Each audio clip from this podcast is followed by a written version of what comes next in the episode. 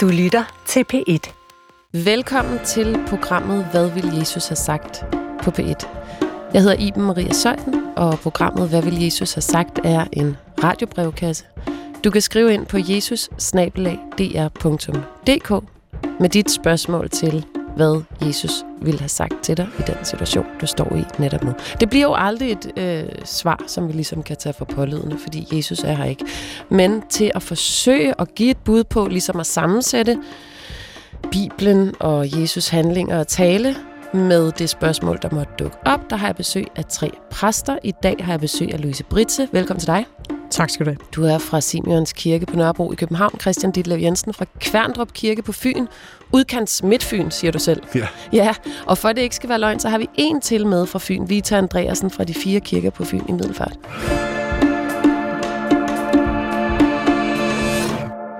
Altså, Fyn må være det flotteste sted i, i hele verden lige nu. Vestfyn med Lillebælt og rapsmarker, øh, så bliver det bare ikke smukkere.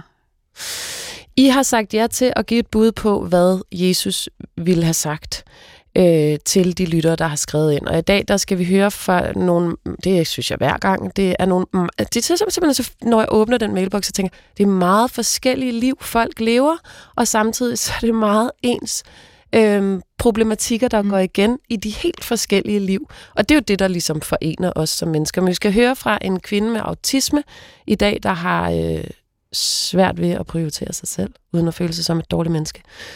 Så har vi en klassiker, skulle jeg nær øh, have sagt, en person, der gerne vil vide, hvor, hvor kan man gå hen med sin ånd, hvis man er lidt skræmt over folkekirken. Og så skal vi tale om det der med at sige farvel. Altså, hvordan gør vi det på en måde, så vi kan bære det, så vi kan bære døden. Er der en måde, og var det nemmere i gamle dage? Skriv ind til jesus Og så er der jo simpelthen så mange øh, lytter i min mailbox, som forholder sig rigtig meget til jer præster. Øh, det er jo modigt, I har valgt at stille op, og hver gang er der nogen, der skriver øh, ligesom med spørgsmål til, hvor I kommer fra, og hvorfor I gør, som I gør, hvorfor I siger, som I siger, og går I rette også med det, I siger, eller tager det til sig i forhold til det, I siger. Derfor tænker jeg, måske vil man egentlig gerne lige en gang lære jer lidt bedre at kende. Øhm, så måske, Louise, vil du ikke fortælle, hvad var din første kirkelige handling? Altså, for I har jo ikke været præster altid. I er jo ikke født præster. Man er ikke, kommer ikke Bestemt. ud af sin mors mave som præst. Det er jo noget, man vælger at blive på et eller andet tidspunkt i sit liv.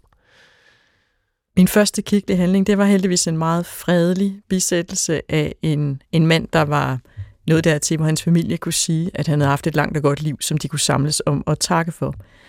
Ikke desto mindre så havde jeg ikke lyst til, at de skulle vide, det var min første bisættelse, fordi jeg ville ikke, at de skulle være bekymret for, hvordan jeg havde det med det. Det var jeg lidt selv, så det var der, jeg sagde det til min meget erfarne, øh, gode kollega, der var der, da jeg startede. At hvad nu, hvis de kan se på mig, at jeg er nervøs eller bliver påvirket og rørt? Og så var det, han kom med den lidt grove interne joke. Der er grænser for, hvor galt det kan gå, fordi han er jo død i forvejen. Den gengav jeg selvfølgelig ikke til familien her, men på en måde kan man sige, det er jo ikke min sorg. Og det er jo også måden, man kan være i det på, at jeg har en vigtig opgave at løse. Mm. Uh, så var man ligesom i gang. Hvad er det så egentlig for en vigtig opgave, du har at løse, hvis man skulle beskrive det helt kort lige der? Det er faktisk noget af det, som jeg synes er det største at få lov til som præst, at være med så forskellige slags mennesker i livets store overgange.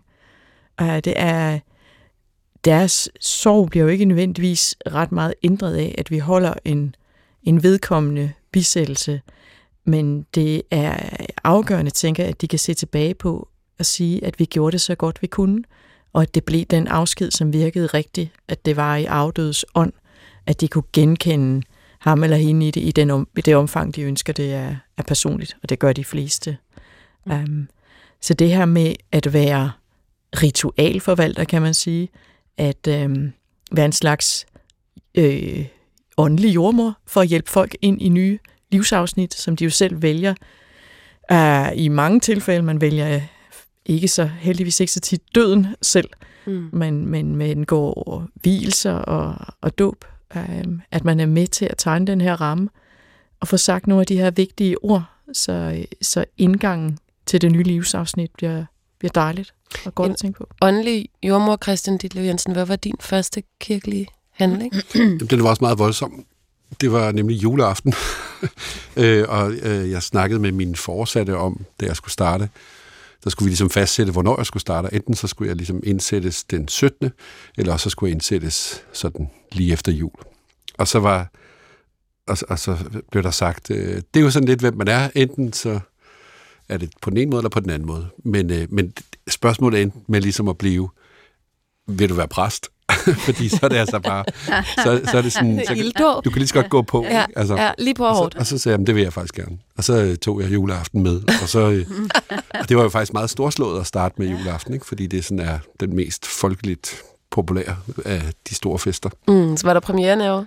Ja, det var der øh, meget faktisk. Øh, men det var også, øh, det gik rigtig godt, at der var sådan en stor opbakning og sådan noget. Må jeg lige spørge, hvordan man håndterer det, hvis man ikke for eksempel drikker en øl inden? Øh, jamen det gør man jo egentlig bare ved, at øh, for det første så kan man jo lige stå op ved alderet og lige kigge lidt op. Øh, man har jo en god støtte, tænker jeg. Øh, men så, jeg havde det også sådan, at jeg skulle prædike ind i sådan en sønderjysk forsamling, så jeg synes, det var egentlig meget sjovt, det der med at at lave sådan noget en jiu-jitsu-prædiken, hvor jeg ligesom bare gik med øh, det, som de troede, jeg ville prædike imod. Det prædikede jeg med. Så jeg prædikede for øl og snaps og masser af mad og kæmpe store julegaver. Øhm, og det var lidt sjovt, ikke? fordi man tænker tit, præsten vil stå og sige, der mangler noget ånd, og hvorfor det hele blevet sådan, det er julekalender, og forbrug og, og forbrug og forbrug og overtræk på kontoen og så videre. Øhm, og så prøvede jeg bare ligesom at lave den kobling, som er, det er sådan, det er, men det er jo fordi, at det er vores allerstørste fest. Øhm, så det var ligesom, det, det, det kunne de godt lide. Så gik de hjem og åbnede en julebryg.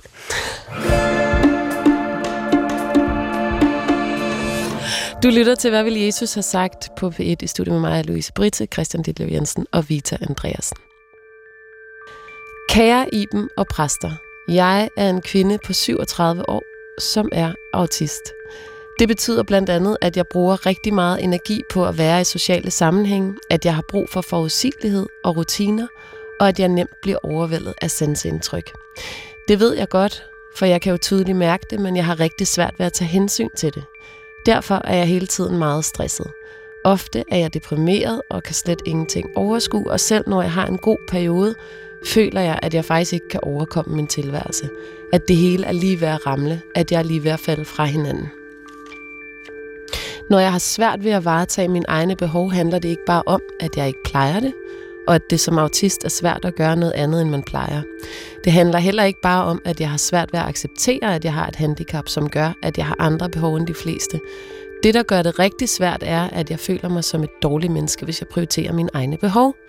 Hvis jeg skulle følge de råd, jeg får fra professionelle omkring mig og tage mig godt af mig selv, så ville det betyde, at jeg for eksempel skulle melde afbud til arrangementer eller kun deltage kortvarigt. Måske skulle jeg ansøge om førtidspension. Jeg skulle måske bede andre om, at vi kunne afholde et møde på et andet sted eller et andet tidspunkt, der ikke føles så kaotisk for mig. Og til en medlemsdag i foreningen ville jeg måske skulle være den, der sørgede for at vælge en opgave før alle andre, så jeg var sikker på at få en, jeg ikke var alt for usikker på, og som ikke bombarderede mine sanser for meget. Men i alle sådanne tilfælde føler jeg, at jeg sætter mig selv forrest, i stedet for at prioritere fællesskabet. Og det får mig til at føle mig som et dårligt menneske. Når det kommer til stykket, prøv at høre det her. Når det kommer til stykket, vil jeg nok også hellere have det dårligt og være et godt menneske, end jeg vil have det godt og være et dårligt menneske. Og så alligevel, for jeg kan simpelthen ikke holde til at have det, som jeg har det. Jeg er slidt op, hvad vil Jesus have sagt. Du kan også skrive ind til jesusnabelag.dr.dk, og medmindre vi aftaler andet, så øh, fremtræder du anonym i programmet. Kære præster, hvad tror I, at Jesus ville have sagt til den øh, øh, kvinde her, der skriver ind, som har autisme, øh, og som hellere vil være et godt menneske og have det dårligt, end at være et dårligt menneske og have det godt. Vita Andreas. Jamen tak, fordi du har tillid til, at, øh, at vi vil tænke med på din situation. Fordi det skal der jo også et kæmpe mod til, øh, denne oplevelse af at være, at være meget anderledes end, end så mange andre.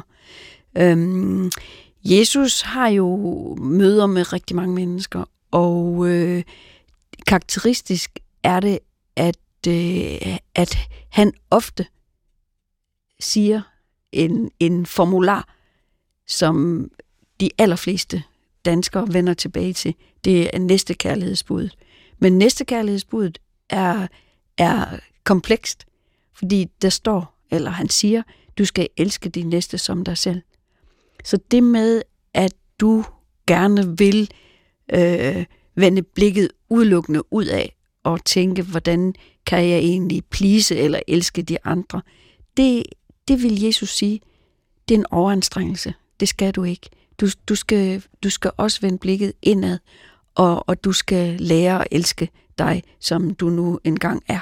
Også med den autisme, som i høj grad er et ekstra, en ekstra byrde, du, du bærer. Og så er det jo det her fantastiske med Jesus, at han altid tilbyder mennesker at bære byrden sammen med et mm. menneske. Altså, så det du siger jo i virkeligheden, det med, at når vi siger, at du skal elske din næste, som du elsker dig selv, så tænker man måske i første hug, jamen jeg elsker mig selv højt, derfor så skal jeg elske de andre også. Men det kan lige så godt være omvendt jo, at øh, man elsker jo de andre, eller vil gøre sit bedste for de andre, som hun også skriver, så derfor skal hun sådan set også jeg tror, det, jeg tror faktisk, det er rigtig svært at elske sig selv for rigtig, rigtig mange mennesker. I hvert fald mange af dem, der opsøger mig, der er det et kæmpe øh, vanskelig forhindring overhovedet at fatte kærlighed til sig selv.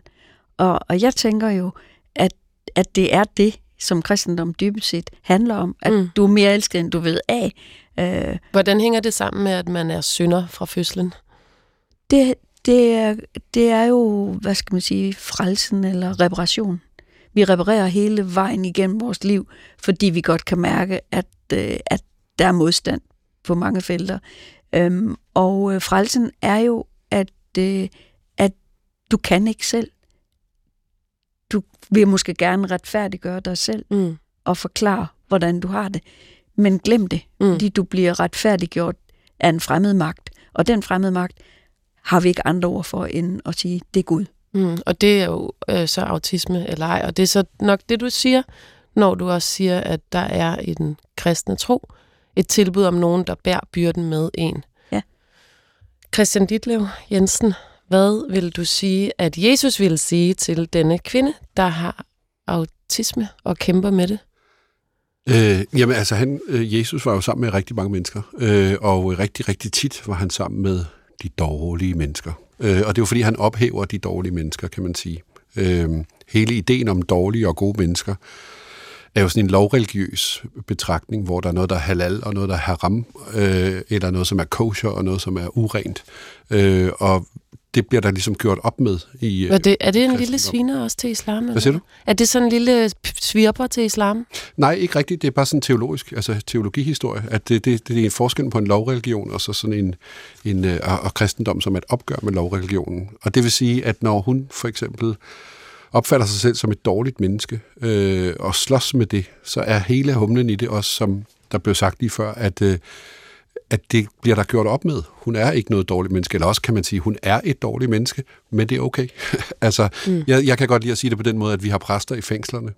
Øh, det synes jeg er den mest klare måde at sige det på. Øh, hvis du myrder et andet menneske, så er der stadigvæk nogen, der vil tale med dig, og der er stadigvæk nogen, der... Altså, jeg synes vil, jo, man er et lidt bedre menneske, hvis man har autisme, end hvis man myrder, det, det, det synes jeg også, Meget men, men det synes hun ikke selv. øh, hun siger jo selv, at hun føler sig som et dårligt menneske. Og når man føler sig som et dårligt menneske, så har man brug for at blive mødt øh, med øh, kærlighed og forståelse. Og Men kunne vi ikke bare aflive den myte, at der findes øh, øh, mennesker, der er mindre værd end andre mennesker?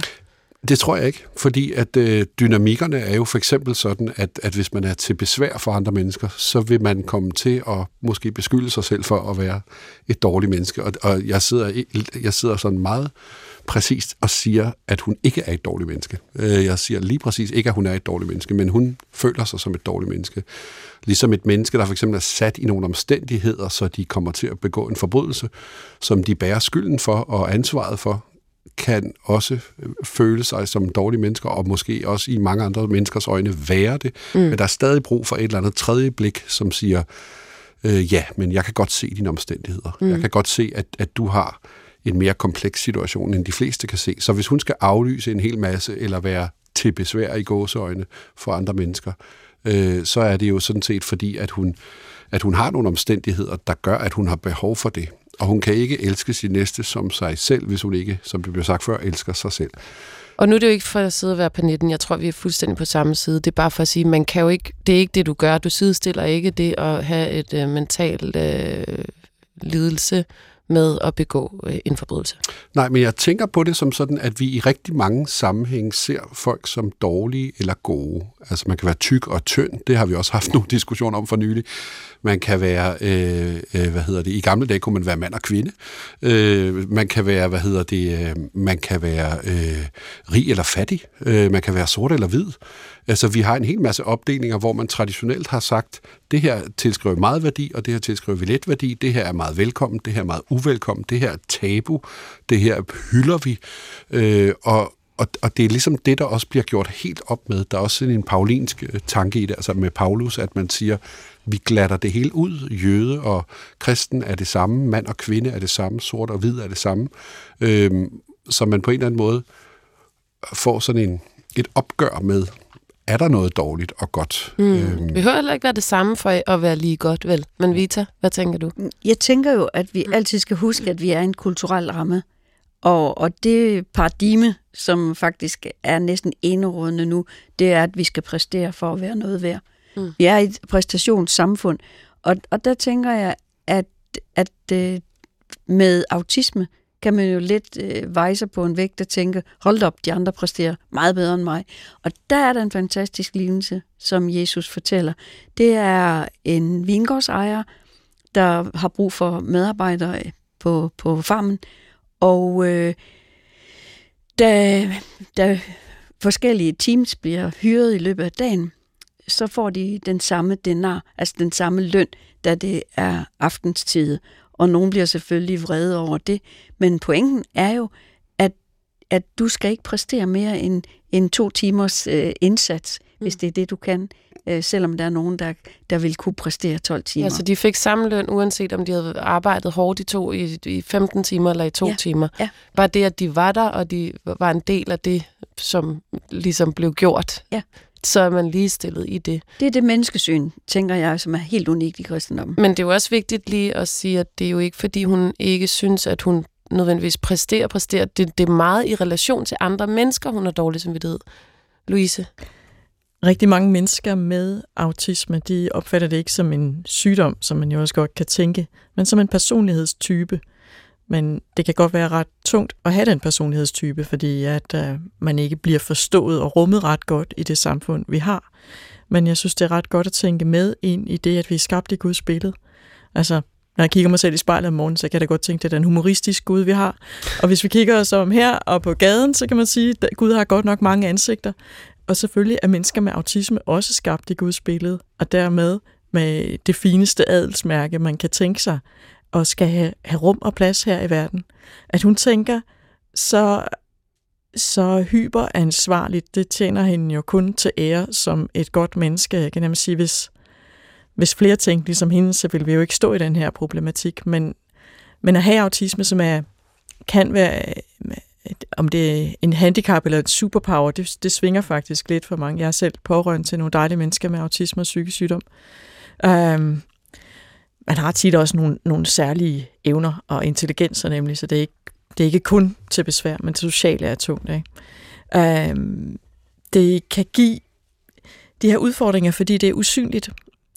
Og hvis man træder frem i det synlige og, og viser sin diagnose, skilter med den på en eller anden måde, bruger solsikkesnoren, som jo er ved at blive udbredt, så man kan få taget hensyn. Hvad? Hvad? Det, er, det er sådan en slags... Øh, hvad kan man sige, sådan en, en grøn, grøn øh, halskædeagtig snor med små solsikker på, og et lille skilt, som, øh, som er kendt i transportsystemet og til koncerter og i Tivoli og sådan noget, hvor man så faktisk kan få taget hensyn til sit ellers usynlige handicap. Og det kan være meget godt, men det er jo præcis samtidig stigmatiserende. Stigma, det er jo et ord, vi jo har fra de mærker, som Jesus havde efter sin korsfæstelse. Altså, øh, at, at være stigmatiseret, det er jo at bære mærker af en lidelse, man har eller har gennemgået. Og det er jo ikke altid så rart at gå med uden på tøjet heller. Så det er den her afvejning, man har, når man har et, øh, et usynligt handicap. Skal jeg blive kendt for det, for at få taget hensyn? Eller skal jeg blive ved med at, øh, at skjule det, men så til gengæld lide med at, at skulle holde til mere, end jeg faktisk kan tåle? Mm. Um, jeg tror, der er rigtig mange, der er helt i den modsatte grøft af den her meget øh, omtankerige øh, kvinde, som, øh, som faktisk skamrider den her metafor, som, som rigtig mange sikkert kender med, at hvis man sidder i en flyver, og ilttrykket forsvinder, og iltmaskerne popper ud, så skal man endelig tage iltmasken på selv, og så hjælpe andre bagefter.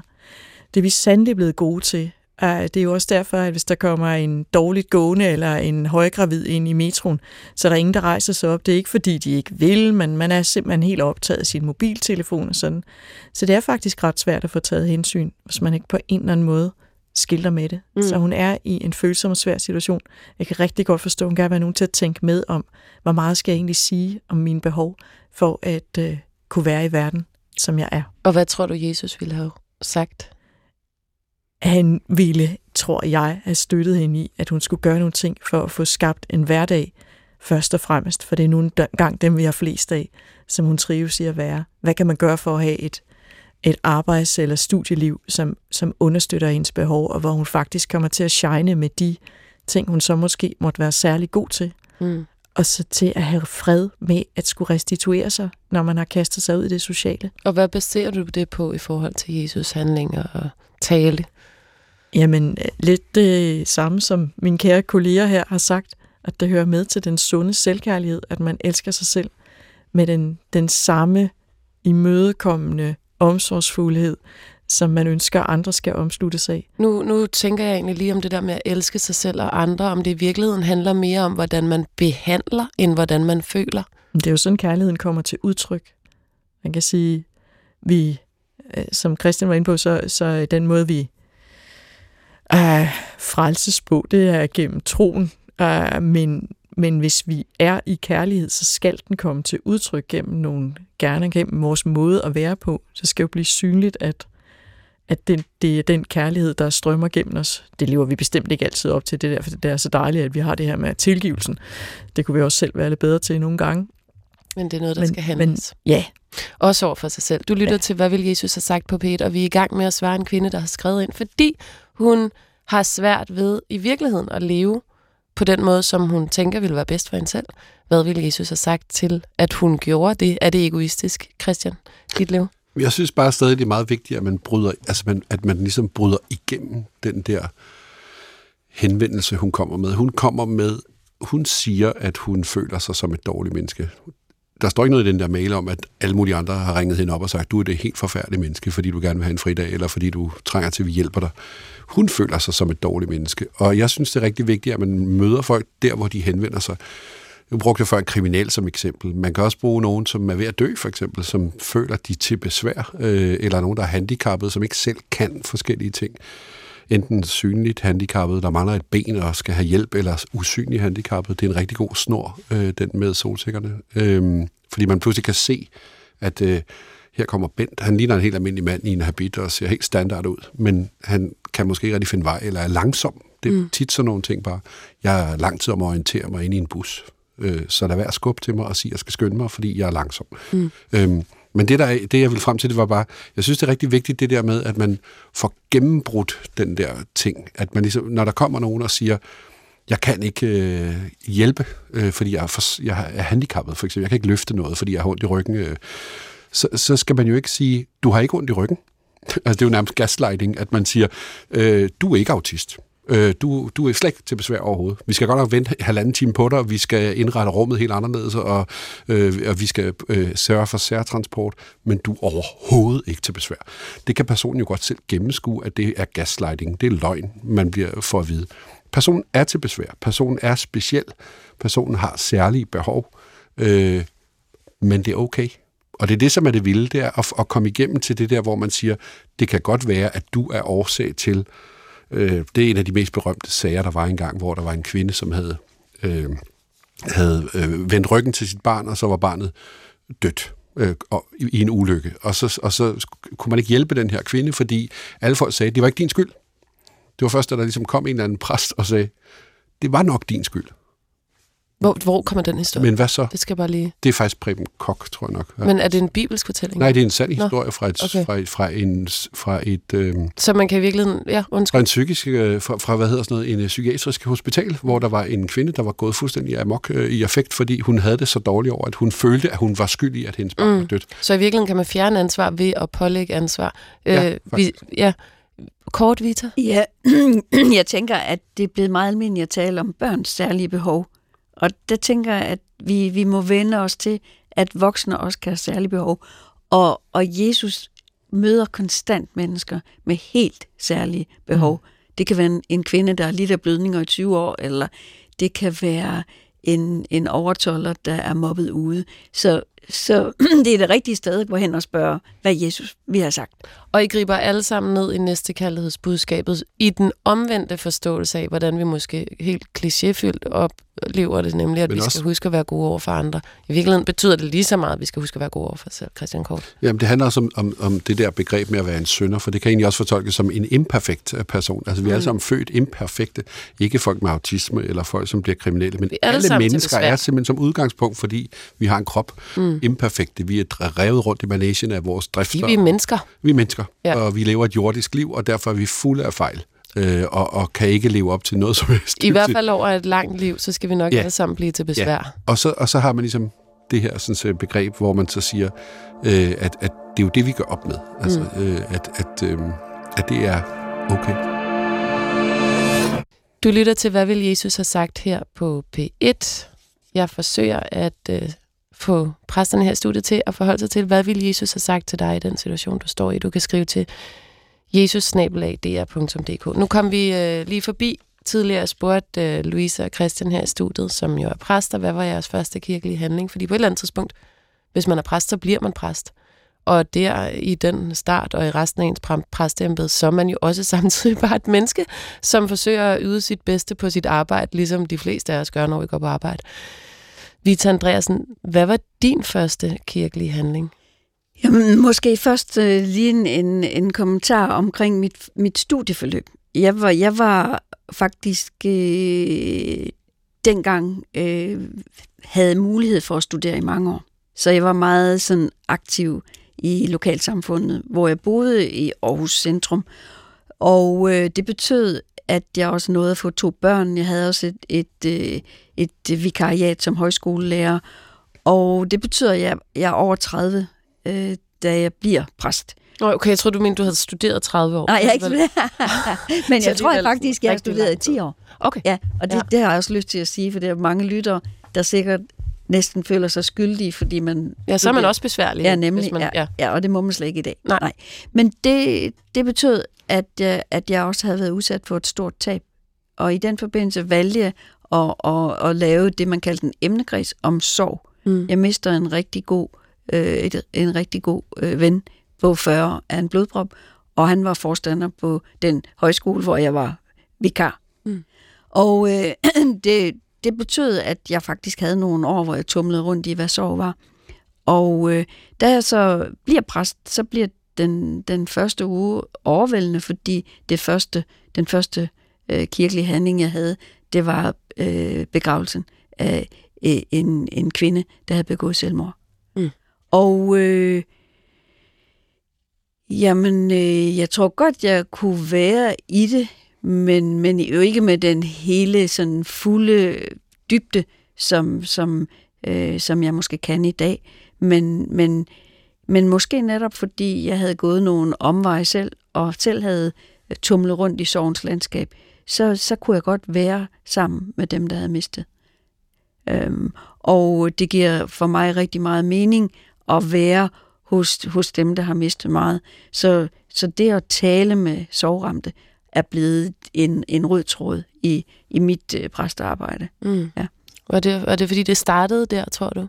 Måske er det, fordi det starter der. Og øh, jeg har delt med lytterne før, at, øh, at øh, min mor og far øh, også øh, fik mange børn, og at øh, tre af dem øh, døde som ganske små. Mm. Og, og på den måde har sorg sikkert også været en, en, en farve øh, i det øh, kærlige og, og glade hjem, øh, hvor jeg voksede op.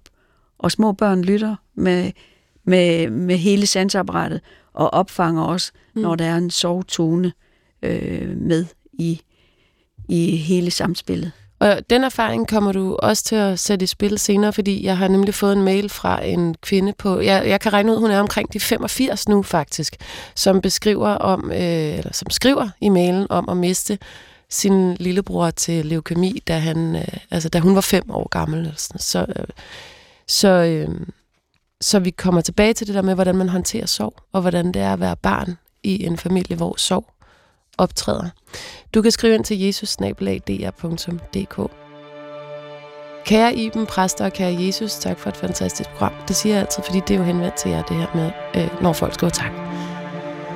Søndag den 14. 5. ramte emnet, der kunne have været skrevet af mig. Sendefladen, juhu, skriver hun. Jeg har ligesom spørgeren igennem livet haft forskellige åndelige oplevelser og erkendelser. Det var altså en kvinde, der skrev ind og fortalte om en utrolig øh, smuk åndelig oplevelse, hun havde haft til en meditationssession. Jeg har ligesom spørgeren ikke mødt Jesus, men blandt andet også haft oplevelser i forbindelse med yoga, praksis og bare pludselig oplevelser af stor meningsfylde og sammenhæng med altet. Jeg har ofte spurgt mig selv, hvordan disse oplevelser, jeg har haft, kan forstås ind i en kristen sammenhæng. Derfor har det været fantastisk spændende at lytte til det her program om emnet, som altså var sendt den 14. 5., hvis man har lyst til at gå tilbage og finde det. Dette har ført mig til en lille tanke, som jeg er nysgerrig på at høre præsterne og Jesus' blik på. Jeg har nærmest altid haft en følelse inde i mig selv som åndeligt søgende, jeg boede i et nybyggerkvarter, hvor vi børn rendte til bibelklub ved et par søde damer, der siden viste sig at være en del af en frikirke. Jeg stoppede der som teenager, da jeg oplevede kirken som fanatisk. Min søster er stadig en del af en frikirke. En af mine erkendelser fik jeg som teenager lige før jeg stoppede i kirken. Jeg sad på min folkeskoles bibliotek og kiggede ud på legepladsen. Og pludselig fik jeg en dyb erkendelse inden i, omkring, at hvis der overhovedet er en Gud, der står bag alt skabelse, så er det den samme Gud for alle – uanset tro og åndelig praksis. At det derfor var vigtigere at finde fællesnævneren i de forskellige trosretninger og praksiser, end at søge forskellene, samt at Gud ikke støtter enkelte folkeslag mere end andre, altså at der ikke er nogen, der er mere udvalgte end andre, men at vi alle er lige i Guds billede. Gud ikke griber ind i krige, er ansvarlig for hungersnød osv., men at vi mennesker i fællesskab må hjælpe hinanden her på jorden. Det er altså det, hun oplever som lille pige, da hun sidder på biblioteket. Jeg gik ud af kirken, altså hun forlod den kirke, hun var medlem af, men min søster blev, og hun har især i de unge år, hvis vi talte om tro, sagt, at jeg var vildfaren i min måde at opleve tro på. Hende og jeg har et fint samvær i dag. Vi har fællesskab fundet ud af, at vi ikke skal tale om tro, og hun er også blevet mere mild med årene. Men jeg har sidenhen haft svært ved at finde et åndeligt fællesskab, jeg tager held i mig, og jeg savner det indimellem, men hvor er jeg til?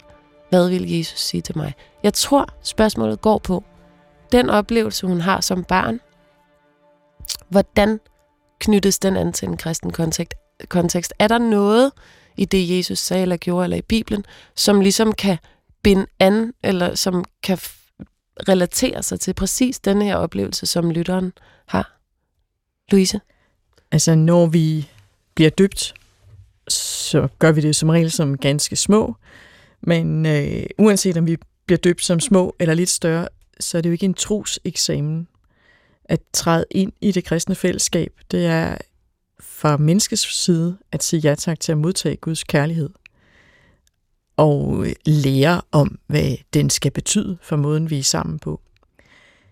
Men i og med, at det ikke er en, et kørekort, der skal tages for at blive medlem af klubben, og i og med, at der i dåbsbønden blandt andet lyder om, at det er et evigt fællesskab, og at vi får det er det, der kan lyde voldsomt for forældre, at vi taler om søndernes forladelse, en forhåndstilgivelse, at vi er, vi er elsket for alle de skæve, vi kommer til at slå, for det gør man i et menneskeliv, øh, så er der faktisk ikke sådan helt stramme regler for, hvordan man må tænke. Der er ikke sådan en mind control, men når man så går ind i teksterne, så kan man selvfølgelig godt sige, ja, man kan lære rigtig meget om, øh, hvordan Jesus har ageret gennem de her forskellige lignelser.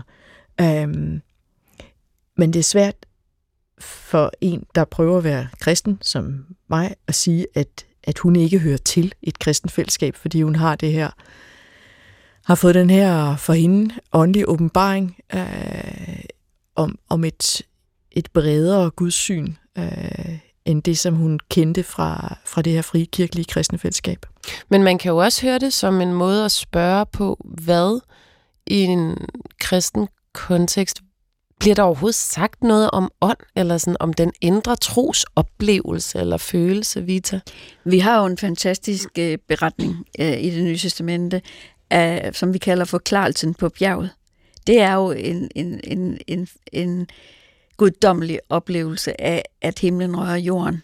Og øh, det er der også mange forfattere og kunstnere, der har beskrevet. Kan du lige prøve at forklare den? Men forklarelsen den, på, ja. på bjerget, det er, at øh, Jesus tager tog af sine øh, disciple med op på et bjerg. Han trak sig jo tit tilbage. Han havde faktisk også brug for pauser. Han kunne ikke hele tiden være sammen med folk. Og øh, da de kommer op på det her bjerg, så, så åbner himlen sig i et kæmpestort lys. Og, øh, og de, de mødes med de store gammeltestamentlige helte, som Moses og, og profeterne. Og, øh, og, og Peter er blandt andet med der på det her bjerg, og han siger jo til Jesus, skal vi ikke øh, bygge hytter, og, og så kan vi være her sammen og blive ved med på en måde at være i paradisets have i det her guddommelige lys. Men Jesus siger nej, øh, vi skal ned og ud i verden igen, fordi det verden har brug for os. Og øh, jeg vil jo sige, at det har også med visdom at gøre. Så jeg vil jo ønske dig tillykke, øh, kære øh, øh, lytter, og sige, at vi kan lære noget af dig. Fordi vi skal nemlig ikke lede efter forskel. Vi skal lede efter det, der forener os. Og der er masser af ting, der forener os i de forskellige religioner. Og, og religiøse oplevelser har vi i alle religioner. Men jeg vil selvfølgelig sige, med det udbud af muligheder øh, og trædesten, der er i det folkekirkelige billede, så synes jeg bestemt, at, at der kunne du høre til. Og, og et eksempel er jo kirkeyoga, som jo også er et sted, som du måske ville kunne drage nytte af og være, være en, en indgangsport for dig. Men jeg synes, at det billede med himlen, der rører jorden, altså det kan jo godt være det, man oplever, hvis man har haft nogle af de her åndelige oplevelser, simpelthen at, at himlen rører jorden. Jeg vil bare sige, jeg vil også bygge hytte, hvis det er skidt. Ja, ja. Jeg vil da klart også tænke, at... Men, men, men vil du ikke også føle dig kaldet til at gå ud og, og, og ændre verden? Altså, fordi det er jo også en af de, hvad skal man sige, etiske fordringer, som, som, som ligger i, i det nye testamente og, og i, i Jesu møde med verden, mm. at, at, øh, at hele den her empatiske forståelse, at vi kan ikke gå forbi næsten, der har brug for en hjælpende hånd. Mm. Så hvis du bygger hytter... Og, ja, så er man nok ja, i sig selv. Så er man nok i sig selv. Christian Ditlev Jensen, hvor, hvor kunne hun høre til hende her, lytteren, der skriver? Jeg, bliver altid, jeg, bliver, jeg kommer altid til at smile en lille smule, når folk de spørger, om de hører til i folkekirken. Fordi det er lidt ligesom, hvis man sagde, kan vide, om jeg hører til i folkeskolen. Tror du, jeg kan være i folkeskolen? Er der plads til mig? Jeg er ikke så god til at regne. Jeg er lidt bedre til engelsk. Øh, jeg var rigtig dårlig til formning, men jeg løber virkelig hurtigt. Tror du på en eller anden måde, der kunne være plads til mig i folkeskolen? Hvad du, hvis jeg får et femtal øh, i tysk? Øhm, og man sidder der og tænker, jamen, folkekirken er den store, fede motorvej af religion i Danmark. Det er simpelthen øh, en autobahn øh, til himlen, som, øh, hvad hedder det, har, som har simpelthen plads til både små maskotter og, øh, og Fiat 500, og så til de helt store limoer, hvis du har sådan en. Øh, og det er så interessant det der med, at folk, de, med den ene hånd, så bliver der sagt de mest sådan grundlæggende og dybe protestantiske sandheder om, at, at øh, Gud er øh, det eneste rigtige, og man skal finde sin egen tro og alle mulige andre ting, som er fuldstændig Luther kunne ikke have skrevet det bedre. Og så samtidig så sidder man med sådan en, en fuldstændig håbløshed og tænker, hvor, hvor i alverden hører jeg til? Ja, du hører til nøjagtigt i folkekirken, og, og du skal bare øh, møde op næste søndag, så kører det. Øhm, fordi, og det er sådan så sjovt det der med, at, at, at, at det er sådan et tilbagevendende protestantisk problem, at folk de øh, ved ikke helt, om de, om de tror nok. Men hvor kommer den forestilling fra, det med, at man skal tro godt det, nok? Det kommer fra, at, at Luther overdrager ansvaret 100% til, til kirkegængeren selv. Du skal selv vælge, om du tror på Gud, og du skal selv have dit eget forhold til Gud, og du må selv definere det sammen med Gud. Det kommer nok ovenfra i virkeligheden som en nådegave, men den skal du så selv definere, hvordan du vil tage imod, og du skal selv definere, hvordan du vil forvalte den, og hvordan du vil vise det i dit eget liv, og alle mulige andre ting. Det er simpelthen alt muligt mærkeligt, der er læsset over på dig. I alle andre religioner er det noget socialt, eller det er noget kollektivt, eller det er noget øh, på forhånd defineret med nogle masse sådan faste ritualer og sådan noget. Og her er det virkelig sådan liberalt, kunne man nærmest sige, op til dig. Mm. Og det gør jo også, at man med det store ansvar føler sådan en meget stor rådvildhed og frustration. Mm. Så du tror ikke, det er grund af alle mulige konservative præster gennem tiden, der har måske antydet, at man kunne være bedre eller dårligere kristen. Jo, det kunne det selvfølgelig også godt være. Øh, det kan også betyde noget, og det kan også betyde noget, at man netop er i, har familiemedlemmer, som har en anden religion end en selv, eller, eller som har et andet gudsbillede end en mm. selv. Vita? Jamen, jeg tænker, at i, i det her program skal vi også turde være kirkekritiske, fordi kirken er jo en institution, som også øh, er fejlbarlig. Og, og jeg tænker, at det stadigvæk kan være svært øh, for for øh, danskerne i dag at ryste det altså, at kirken sad for bordenden øh, førhen. Man var formand for skolekommissionen. Man var med til at smide børn ud af skolerne. Man var med til at, at sige, jamen hvis du ikke øh, opfører dig ordentligt, så vil vi ikke vide dig. Eller hvis du ikke er konfirmeret, så kan du ikke engang få et arbejde. Mm. Så hvad skal man sige, kirkens historie er, kan også være med til at spænde ben for at høre den evangeliske tone, fordi det er jo ikke sådan, at Jesus har yndlingsbørn, og så er der nogen, der sidder nede bagerst. Nej, vi er alle sammen Guds yndlingsbørn. Mm, og måske er den magt så blevet forvaltet en lille bitte smule dårligt det, af og til det er i kirkens rigt, historie. rigtig meget. Men der er, også, der er også den pointe, at kirken er meget bred. Altså, mm. Altså jeg møder også kolleger og provster og biskopper og alt muligt, som har nogle andre kirkesyn, end jeg selv har, og det møder alle præster jo, øh, fordi vi er frie til at, at, at forkynde, som vi nu vil. Øh, og, og, og det vil sige, der er plads til alle mulige ting, men der er også nogen, der, der, der stadig har de der meget, meget sådan gammeldags synspunkter. Mm. Øhm. Men, men hvis jeg nu skal sætte mig i lytterens sted her, fordi det vi er i gang med nu i det her program, det er at svare en lytter, der har haft en oplevelse af Gud, men som ikke ved, hvor hun hører til. Øh, det, det, det kan jo godt være lidt svært for udefra kommende, kan man sige, at, at finde et åndeligt tilhør i alt det her bibelværk, ikke? fordi det ligesom også er meget øh, konkrete lignelser og fortællinger og ting, der bliver sagt på snørklede måder og sådan noget. Den åndelige indgang til kristendom, den er der øh, ikke sådan altid lige til at få øje på, Louise. Nej, jeg har også en stor forståelse for, at hvis man er ny inden for kirkedøren, så er ens religiøse vokabularium ofte ikke så, øh, så svulstigt og ordrigt, som, øh, som det kan være, hvis man har været inden for dørene i noget tid. Men ikke desto mindre så opfatter jeg tit, at netop dem, der ikke har sådan et fastgroet kirkeligt standpunkt, har en enorm stor erbødighed over for det religiøse som sådan, og det er også det, der afspejles i øh, de mange unge forældre, der er i tvivl, om de skal vælge dåben til eller fra. Det er lidt noget, jeg vil sammenligne med det, som øh, spørgeren her kommer med. Det her tror jeg på den rigtige måde er i virkeligheden. Der ligger både det der i det med en erbødighed over for, for Gud og for, for, for kirken som institution måske også, men jeg tror måske også, og nu er det faktisk lidt bredere, jeg skal ikke lægge det på hende, spørgerens skulder, men at der kan ligge det her postmoderne i, at vi gerne vil have styr på tingene, og mm. vi kan ikke have styr på Gud. Mm. Så og det, så det er sådan en moderne måde at tænke ja, på? Ja, har jeg, jeg tror simpelthen, det, det er noget, vi har fælles, det her med, har jeg tjek nok på det her til, kan jeg stå inden for det? Mm. Men det hele pointen med at gå ind i det kristne fællesskab, det er jo faktisk, at vi slipper tanken om at skulle stå inde for det hele og stå på mål for det. Okay, hvor starter hun? Bare kort. Er det så ved at sige, ja, det, ja, ja jeg tror på Gud, eller hvor, hvor kunne man starte? Tag mig som jeg er. Mm. Ja. Og øh, så kommer hun ind for dørene, mm. og, og så må hun se, hvad der sker. bliver mødt, som hun er, og så finder hun nok ud af, at, at os andre, der er indenfor, vi sådan set er, er vinderskæve og ikke særlig perfekte, og det kan forhåbentlig være afvæbnende, når vi så os til at synge sammen, hvor det er der noget, vi kan finde ud af.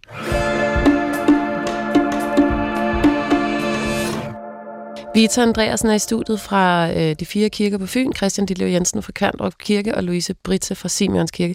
Øh, Louise, mikrofonen står ligesom sådan foran... Øh, nu skal jeg lige se. Du har simpelthen sådan nogle flotte sandaler på, og de rammer ligesom mikrofonråden uh. en gang imellem. Øhm, så hvis du gider at lade være med det, fordi at, altså selvom vi alle sammen er uperfekte og så videre, så lige der. Må jeg lige se dine sko? Prøv lige at se dem. Men kan du tilgive det? Jeg kan ikke tilgive det. Alt er ødelagt nu. Og den kommer ikke. Den kom, det kan slet aldrig. sige øh, bare det samme. Ned i mikrofonhelvede med dig. Du har fået tilgivelsen på forhånd. Tænk at være 1,61 og have for lange ben. Så har man hørt det. Endelig. Endelig. Første gang. Nu kommer dagens sidste mail, som er fra en ældre kvinde, der har skrevet ind på jesusnabelag.dr.dk. I samtalen 7. maj har I talt om, hvordan sorgen over at miste her et barn kunne bearbejdes. Og det er nemlig rigtigt. Vi havde en lytter, som efter mange år var klar til at forsøge at se, hvad kunne kristendommen i forhold til tabet af hans øh, søn, som døde af en sjælden kraftsygdom. Samtalen får mig til at reflektere over min families bearbejdning af døden for 80 år siden, da min knap 6-årige storebror døde af børneleukemi. Dengang var det jo normalt, at børn blev døbt og voksede op i kristen tro. Det gjorde vi børn jo også.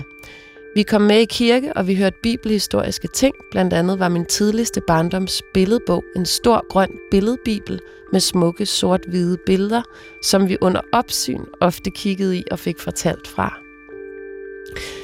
Bibelens billedverden og verden var vi derfor fortrolige med fra vores tidligste barndom.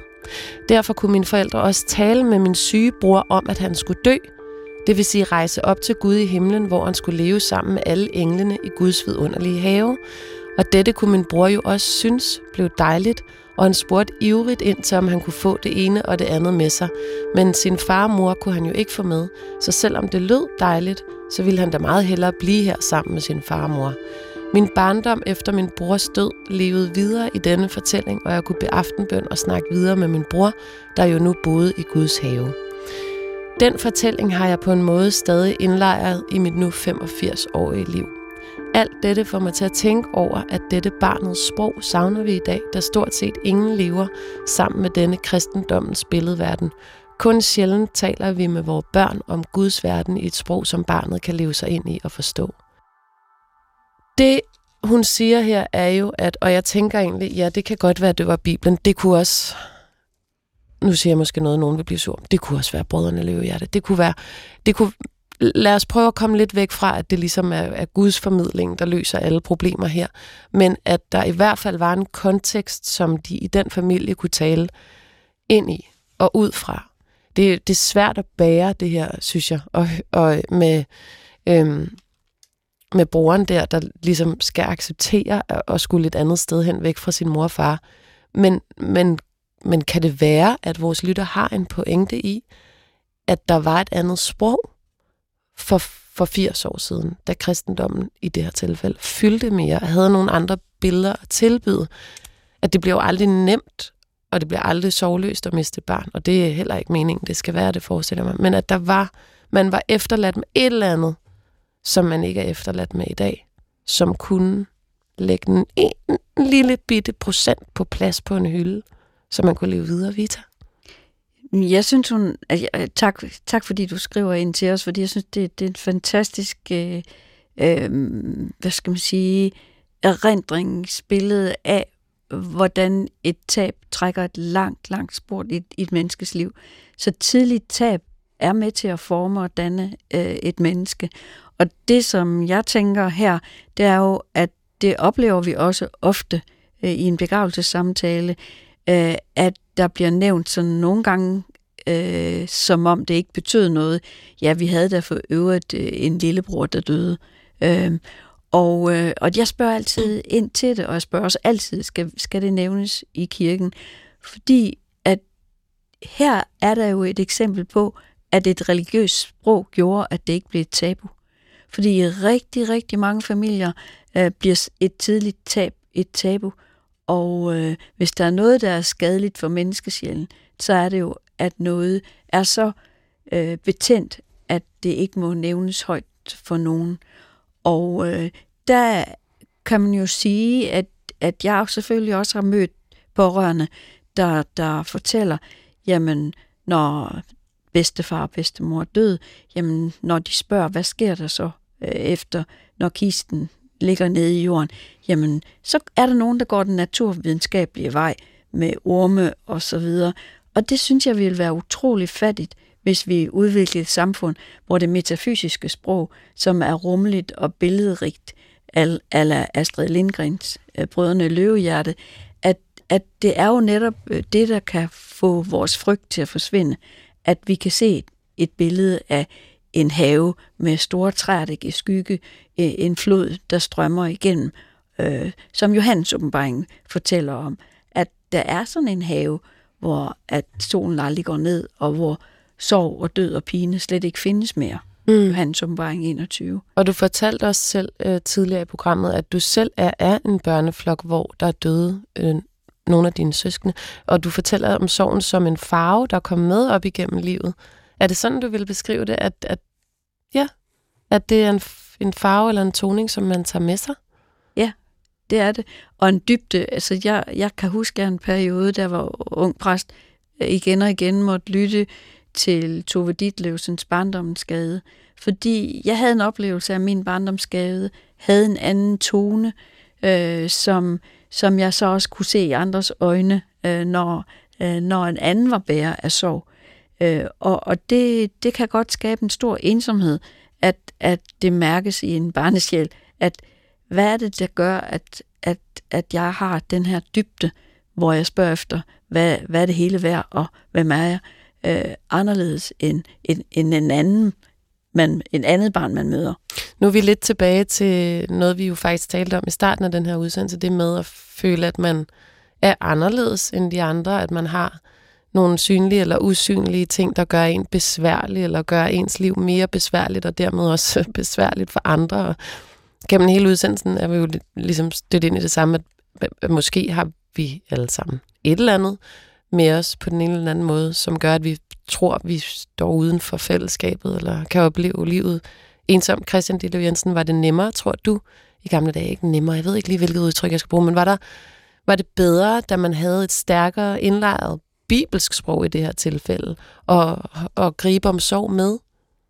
Jamen, det er sådan et underligt dannelsestab, der er sket, altså hvor man har eksotiseret det sprog, vi har for døden, øh, sådan så man har problematiseret det helt vildt og gjort det til sådan noget, vi, det er nærmest ligesom, at man skal tale et andet sprog end dansk. Øh, og, hvis man, og, vi, og det er blevet sådan mystificeret på en eller anden mærkelig måde. Ikke? Altså, hvis jeg sad lige og tænkte på, hvad man kunne sammenligne det med. Altså, jeg, man kan sammenligne med, da jeg var barn og spurgte, hvad min far skulle.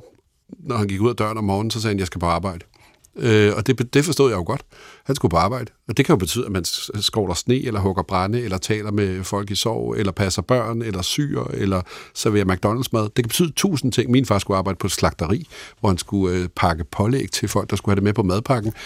Arbejde kan være alle mulige ting, men man kan sagtens forstå, nu går jeg på arbejde.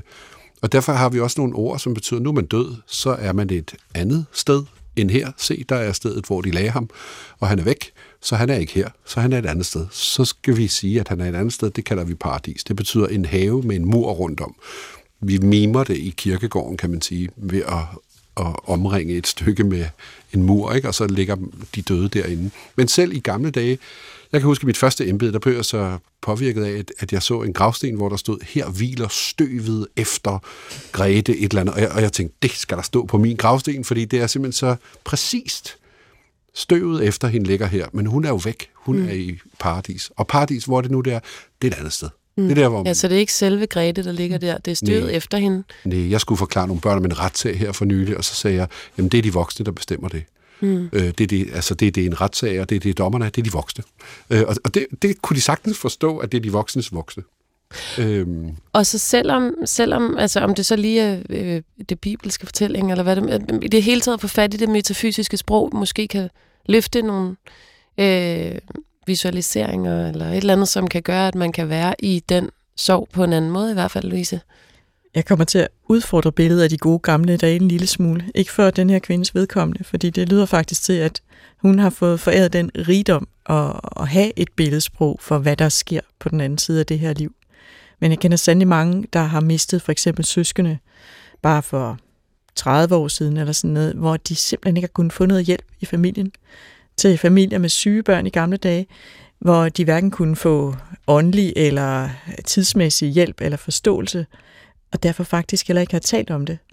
Altså om, om øh, da lillebror døde, så brændte vi hans ting på et bål i haven, og så talte vi ikke mere om det. Sådan nogle historier synes jeg desværre, mm. jeg har mødt flere af, end af af den her rigdom af, af billedsprog, som kunne være. Mm. Men det er jo det, der, det er det, der kan gøre hele forskellen, både for børn og voksne. Uh, og det er det, der er troens spring også, at man, man har, uanset at man kan være i den lykkelige tro hele tiden, at døden er ikke det sidste, og at ingenting, heller ikke døden, kan tage os fra hinanden, når vi deler kærlighed. Kærligheden bliver boende i os. Jeg havde et et forløb med en kvinde, der ikke havde nogen pårørende, som, som var døende, så jeg besøgte hende øh, på hospitalet i den sidste tid.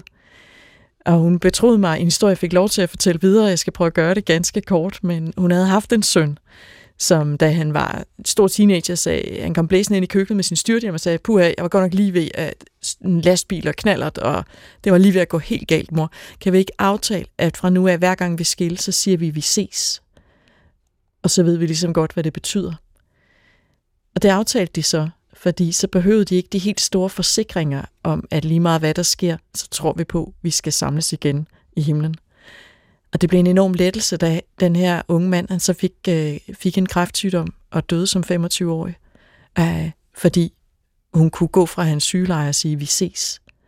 Og det gjorde det sandelig også nemmere for mig som præst at besøge hende og vide, at der ikke var andre end mig, der besøgte hende, fordi jeg jo så med det samme kunne lægge det samme i det. At, at det vi ses, som kan lyde så let og overfladisk, det blev den her nemme påmindelse om, at det her er ikke det sidste lige meget hvad.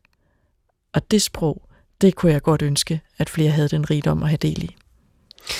Louise Britse og Lita Andreasen og Christian Ditlev Jensen, tak fordi I prøvede kræfter med at overføre de bibelske budskaber og Jesus handlen og talen til nogle fuldstændig aktuelle, øh, både konkrete og følelsesmæssige problematikker, som de danske lyttere altså står med derude. Øhm, tak fordi I har skrevet ind. Hvis du sidder derude og har lyst til at skrive ind, så skriv ind til jesus-dr.dk. Jeg har også lige lyst til at sige, hvis det er personfølsomme oplysninger, så har vi selvfølgelig en maildialog omkring, hvordan vi ligesom skal sløre det, eller hvordan vi skal undgå, at andre folk føler sig udleveret. Der er ikke noget af det her, der bare sådan whoopty ryger i radioen. Så du kan skrive ind til jesus-dr.dk. Du kan finde alle tidligere udsendelser på DR Lyd, og hver søndag kl. 6 udkommer der nye. Kl. 11.03, der udkommer vi på FM. Sender god gammeldags radio efter gudstjenesten. Og tak til producer Christoffer Raff Heide. Til jer alle sammen vil jeg bare sige, vi ses. Gå på opdagelse i alle DR's podcast og radioprogrammer. I appen DR Lyd.